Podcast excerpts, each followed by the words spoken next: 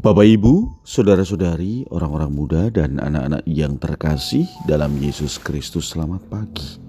Salam bahagia dan salam seroja untuk kita semua berkah dalam.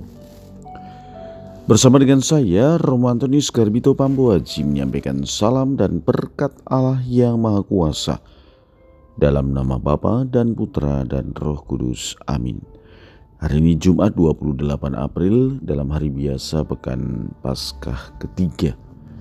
Bacaan pertama dalam liturgi hari ini diambil dari kisah para rasul bab 9 ayat 1 sampai dengan 20. Bacaan Injil diambil dari Injil Yohanes bab 6 ayat 52 sampai dengan 59. Di rumah ibadat di Kapernaum orang-orang Yahudi bertengkar antar mereka sendiri dan berkata, Bagaimana Yesus ini dapat memberikan dagingnya kepada kita untuk dimakan?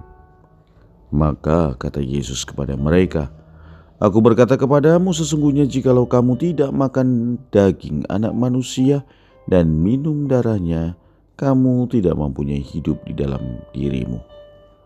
Barang siapa makan dagingku dan minum darahku, ia mempunyai hidup yang kekal. Dan aku akan membangkitkan dia pada akhir zaman. Sebab dagingku adalah benar-benar makanan dan darahku adalah benar-benar minuman. Barang siapa makan dagingku dan minum darahku, ia tinggal di dalam aku dan aku di dalam dia.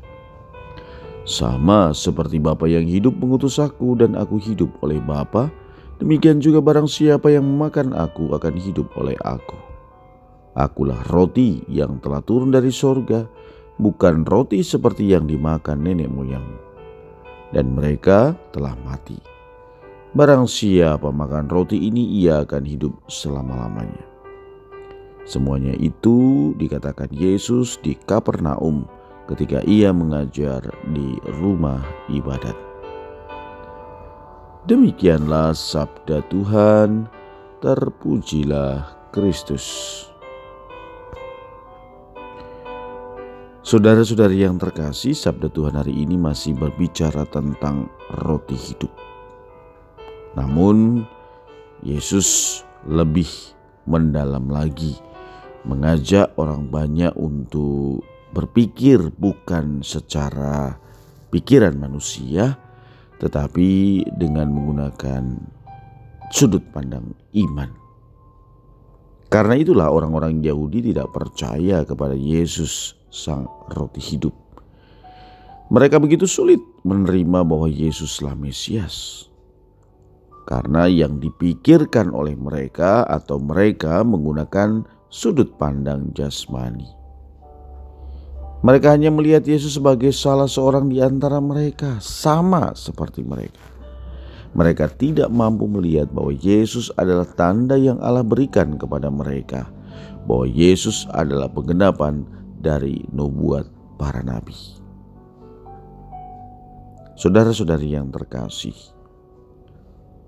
marilah dalam kehidupan ini kita mencoba belajar terus-menerus untuk menerima segala pengalaman-pengalaman yang kita alami atau kita dapatkan dalam kehidupan ini sebagai pengalaman rohani.